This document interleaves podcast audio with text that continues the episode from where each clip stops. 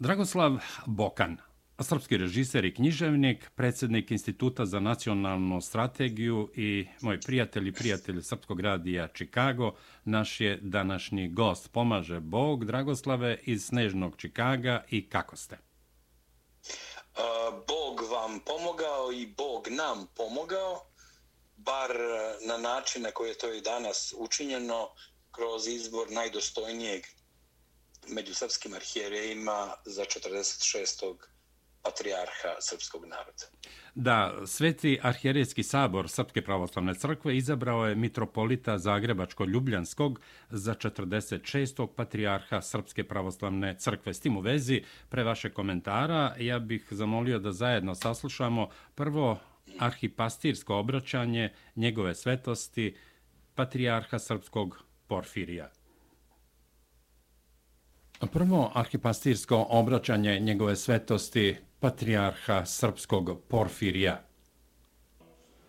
Danas prizivajući blagoslov Boži na svu braću i sestre, decu naše svetosavske crkve i na sve ljude dobre volje i na čitav svet, molim sve da se mole Bogu za moju malenkost, da zajedno idući putem koji su proputili naši sveti predaci, udostojimo se Carstva Nebeskog.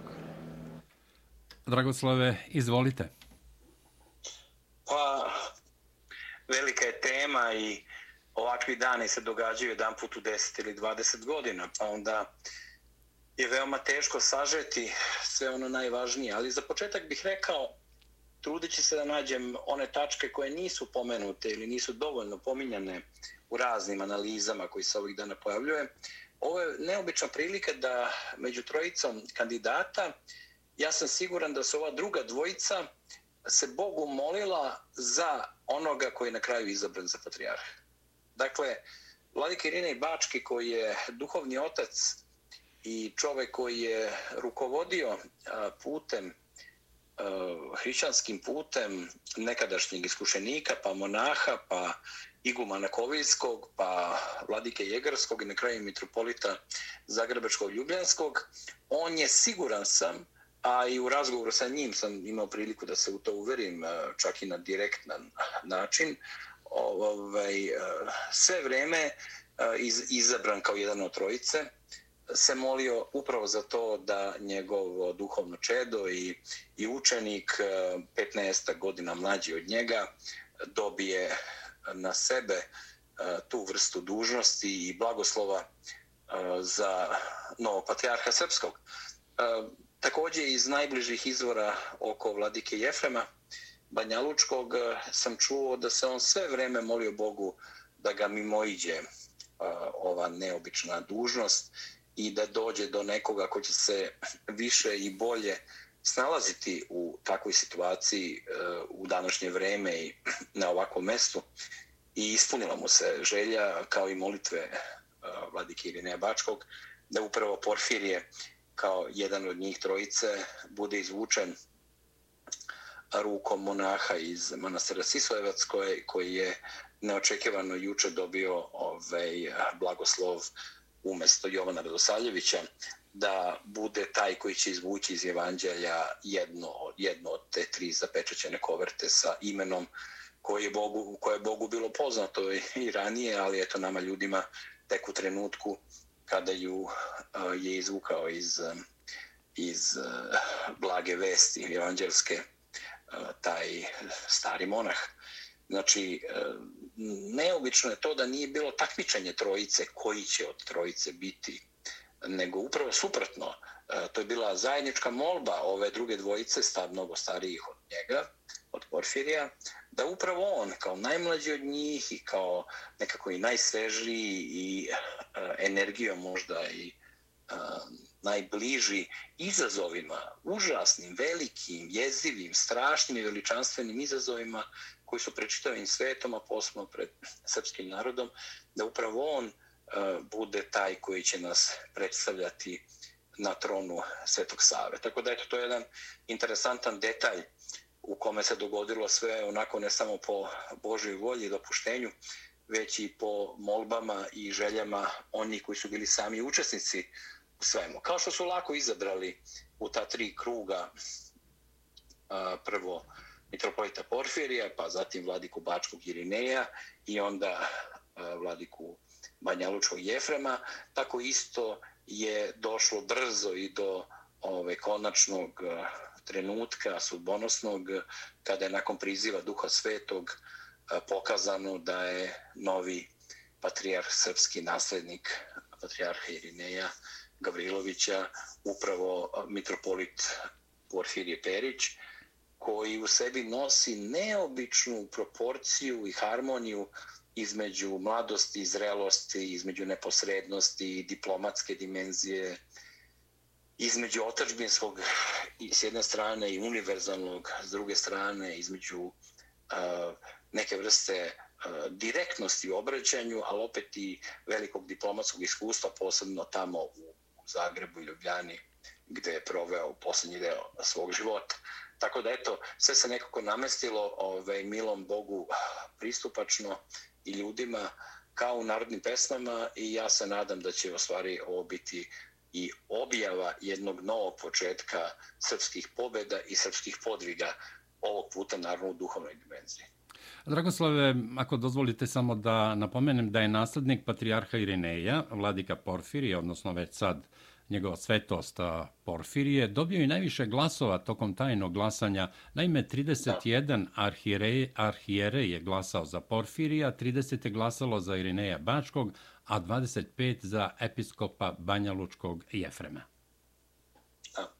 Pa, važno je da su sva trojica pomenutih su eh, i duhovnici i odgovorne ličnosti eh, i čvrste stene, kremen kamen pravoslavlja, ali ne na način krut, nego na način čvrst, gibak u svojej nepopusljivosti.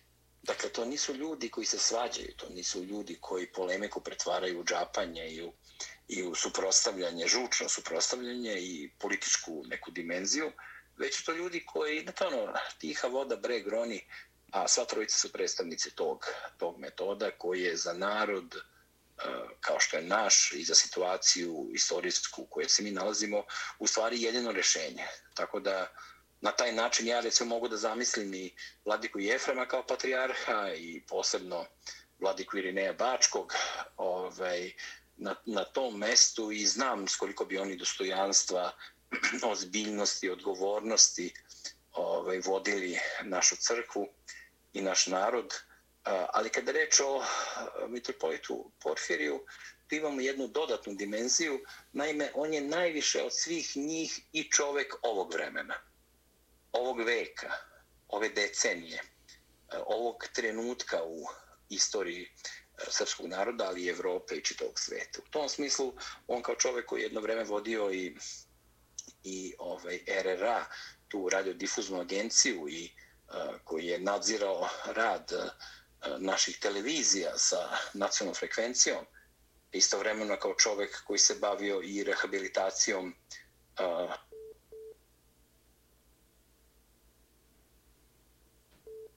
Imamo mali prekid. To je nešto što je njegovo iskustvo, isto kao i ta putanja od manastira Kovilje, koji je bio postao centar duhovnog života Severne Srbije, pa do Zagreba i Ljubljane koji su bili jedno sasvim novo i drugačije iskustvo za njega. Tako da on čovjek koji je prošao kroz razne situacije, on je bio profesor pasirske psihologije kao naslednik Vlade Terotića na teološkom fakultetu. Završio je doktorske studije u Atini, u, u Grčkoj.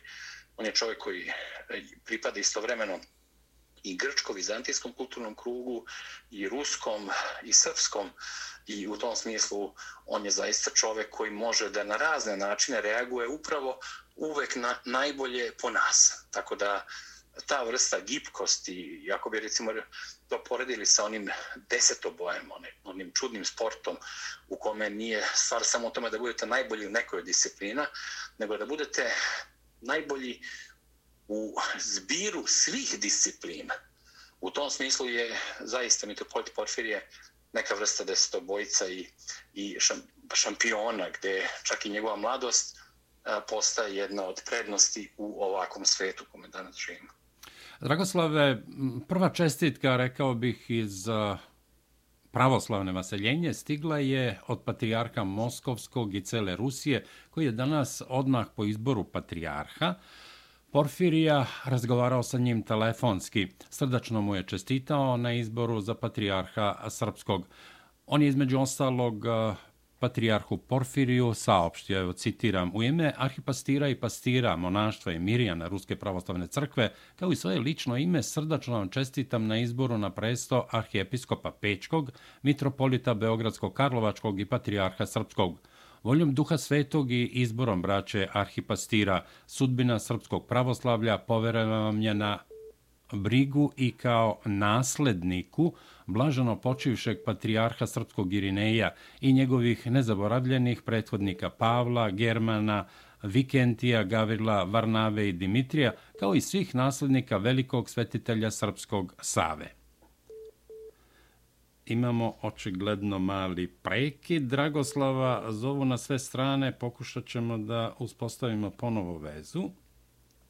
Dakle, gost Srpskog radija Čikago je Dragoslav Bokan, srpski režiser i književnik, evo, trenutno zauzeto. Dakle, govorili smo o čestici koja je stigla iz Rusije od patrijarha Moskovskog i cele Rusije Kirila.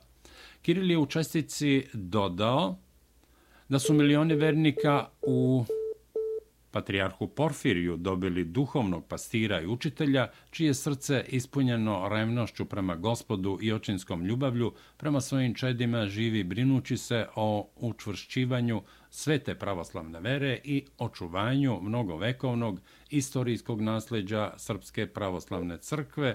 Imamo male tehničke probleme na relacijama sa Beogradom, gde se trenutno nalazi Dragoslav Bokan.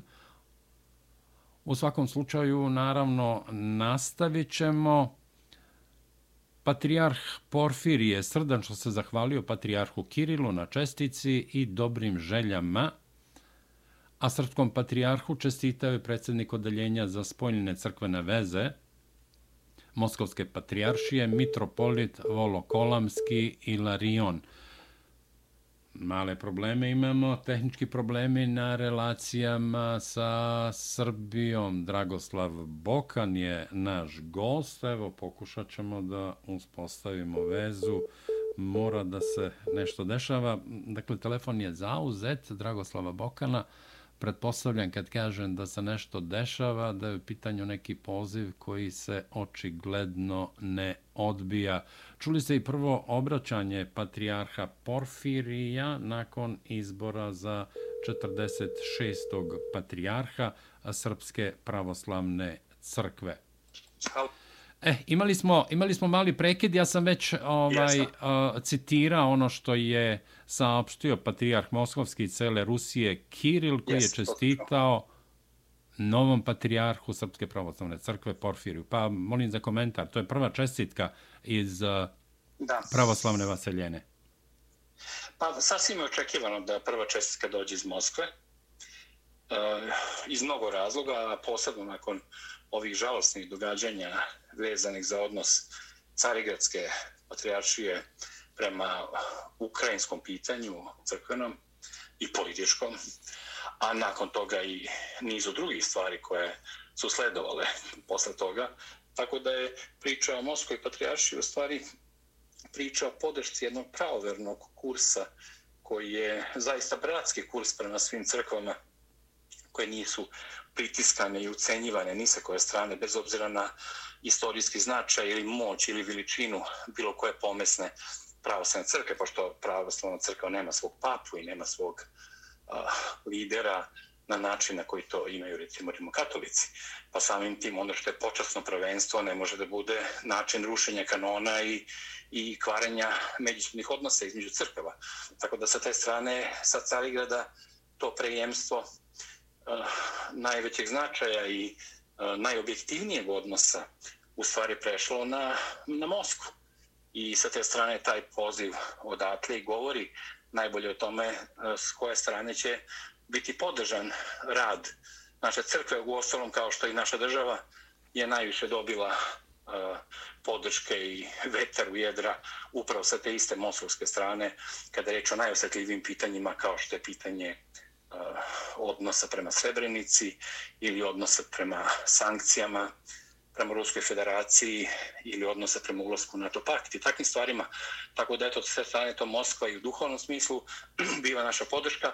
A ja sam siguran da će Moskva nakon Kirila patrijarha koji je veoma značajan upravo zbog simfonijskog odnosa sa ruskom državom, Eh, ja mislim da će njihov sljedeći patrijarh biti veoma sličan mitropolitu Porfiriju i da će to biti Ilarion, Ilarion Alfev, mitropolit koji u sebi nosi također odlično poznavanje diplomatije, izvaredne odnose sa eh, najrazličitim dimenzijama eh, kako društva u Rusiji, tako i sagovornika u svetu. I taj trend traženja ličnosti koje će moći da započinju velike projekte i da ih za svog života dovršavaju i da traju na tim, ako Bog da, na svojim tronovima, da traju decenijama, je isto jedna povoljna crta koja pripada borbenim vremenima, a koje, ne, ako neko vreme možemo nazvati borbenim, to je ovo vreme eh, korone i postkorone u kojem mi danas živimo. Dragoslave, evo i za sam kraj, hteo bi da prokomentarišete jedan stav patrijarha Porfirije. Naime, Patrijar Porfirije, odnosno mitropolit Zagrebačko-Ljubljanski, važio je za jednog od najuglednijih srpskih duhovnika, bio je koordinator za saradnju Srpske pravoslavne crkve i Vojske Srbije, ali, kao što ste rekli, predsjednik Republičke radiodifuzne agencije. Za Kosovo i Metohiju je govorio da je mnogo više od mita i da je za patrijarha i crkvu zavet, a da je politika, za koju su crkvu stalno optuživali da se meša u politiku, a da je politika briga za zajednicu. Molim vas za komentar. Pa mi polako treba da se navikavamo svi zajedno da imamo svoju državu. Dugo vremena je ta država bila jugoslovenska, pa komunistička, pa titoistička, pa tranziciona, pa nošena raznim politikantskim vetrovima, pa vazalno, uh, udvorička. Sad je polako počela da se vadi iz živog blata i da postaje država, da ne bude samo režim ili vlast, nego zaista država. I kada reč o pojavljivanju države, to mora da prepozna i narod, a pre svega crkva. U tom smislu i u ruskom slučaju i u srpskom slučaju mi imamo to prepoznavanje dimenzija države, koja to zaista jeste, bez obzira na sve moguće mane i propuste i nedovršenosti, kakve i dalje postoje. Ali polako se nazire, makar oblik buduće države. Ne samo izgradnjom hrama Svetog Save i posjetom predsjednika Hilandaru i izgradnjom spomenika nikom drugom nego Stefanu Nemanji i to kao glavnom simbolu Beograda, naše prestonice, a ne više da to bude Beograđanka ili ne znam, tako neka zgrada ili most, nego da to bude zaista jedan istorijski simbol koji između ostalog povezuje Srbe u Crnoj Gori Srbe u Srbiji, srednji vek i moderno vreme, vladarsku dimenziju sa duhovnom dimenzijom, što sve sobom nosi upravo takav spomenik. Čak i to što je ruski vajar, jedan od najboljih na svetu, radio taj spomenik, također svedoči o nekim novim vetrovima i pravcima u našoj državi, koja polako dobija to slovo D, država veliko, i to prepoznaje crkva i najumniji među episkopima, među kojima naravno tu je i vladika mitropolit Porfirije, doskorašnji do današnji, sad i patrijarh. I on je razumeo tu uh, ulogu države. Ljudi ne shvataju da ako vi sklonite državu zbog njenih nedostataka ili mana i poistovitite sa režimom, a, tog trenutka će se zajedno sa režimom upropastiti i srušiti sama država. Znači, mi nemamo rezervnu varijantu da biramo između dve ili tri paralelne države, nego imamo samo jednu tu koju imamo i trenutak u kome živimo. I ako se ne izborimo u ovom trenutku, e, ništa nam ne vredi što, što želimo i čeznemo za nečim teoretski mnogo boljim ili savršenim, čistim, kada mi nemamo to u opciji, to nije na stolu pregovaračkom, to nije na šahovskoj tabli, to nije u našoj realnosti, to je samo u našim snovima. To je naravno kao u vreme Miloševića, onaj koji je hteo da brani srpski narod koji je bio realno ugrožen u to vreme, on je išao i tragao za načinima kako da pomogne ili da se bori, bez obzira na to što je na vrhu države bio Milošević, koga mnogi među nama eh, niti su voleli, niti su na taj način razumevali kao pravog vođu srpskog naroda, ali on je bio taj koji je predstavljao srpski narod, srpsku vojsku i srpsku državu. I vi možete u tom trenutku kada je srpski narod ugrožen da branite ili da ne branite. Nema treće opcije.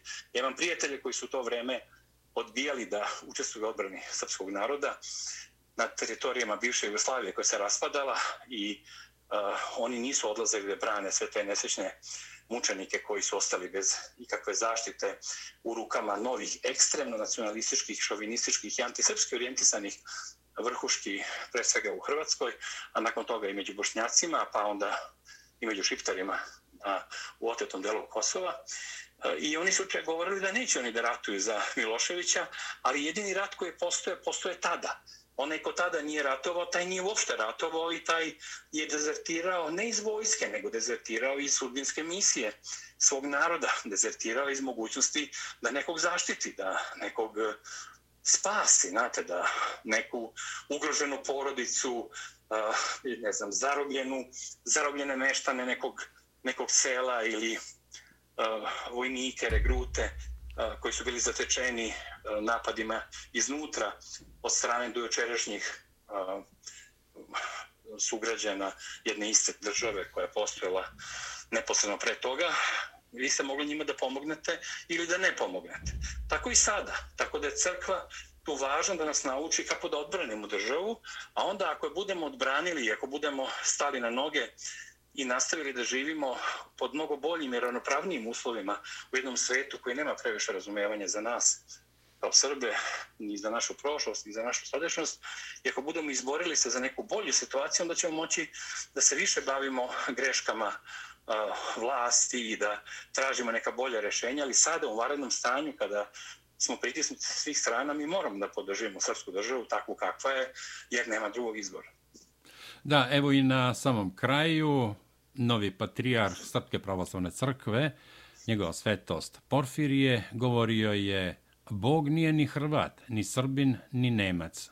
Bog je ljubav. Dragoslove, hvala što ste bili gost Srpskog radija Čikago. Samo vam kažem jednu rečanicu. Izvolite i, i u dve, tri.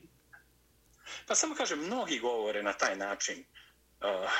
Samo govore o tome zloupotrebljavajući to kao jednu frazu, znate. Da. Da je u stvari vi ne pokazujete ljubavni prema svojim sunarodnicima, ni prema kome, nego pričate o ljubavi, jer vas to ništa ne obavezuje i u stvari time se izlačite iz opasnosti da morate da branite svoje bližnje, da morate da branite svoj ugroženi narod, svoj oklevetani narod, izlačite se. Međutim, postoje oni koji zaista veruju u to što kažu i ta punina tih reči u slučaju mitropolita Porfirija je apsolutna i nesumljiva, što ja znam i kao njegov 25-godišnji prijatelj, bliski, ja mogu da vam to posvedočim kao srpski rodoljub, da ta crta kod mitropolita Porfirija, sada njegove svetosti patrijarha srpskog Porfirija, apsolutno nije fraza i te iste reči koje u nečijim ustima zvuče bljutavo, kada ih on izgovara, to je čista prava i jedina istina.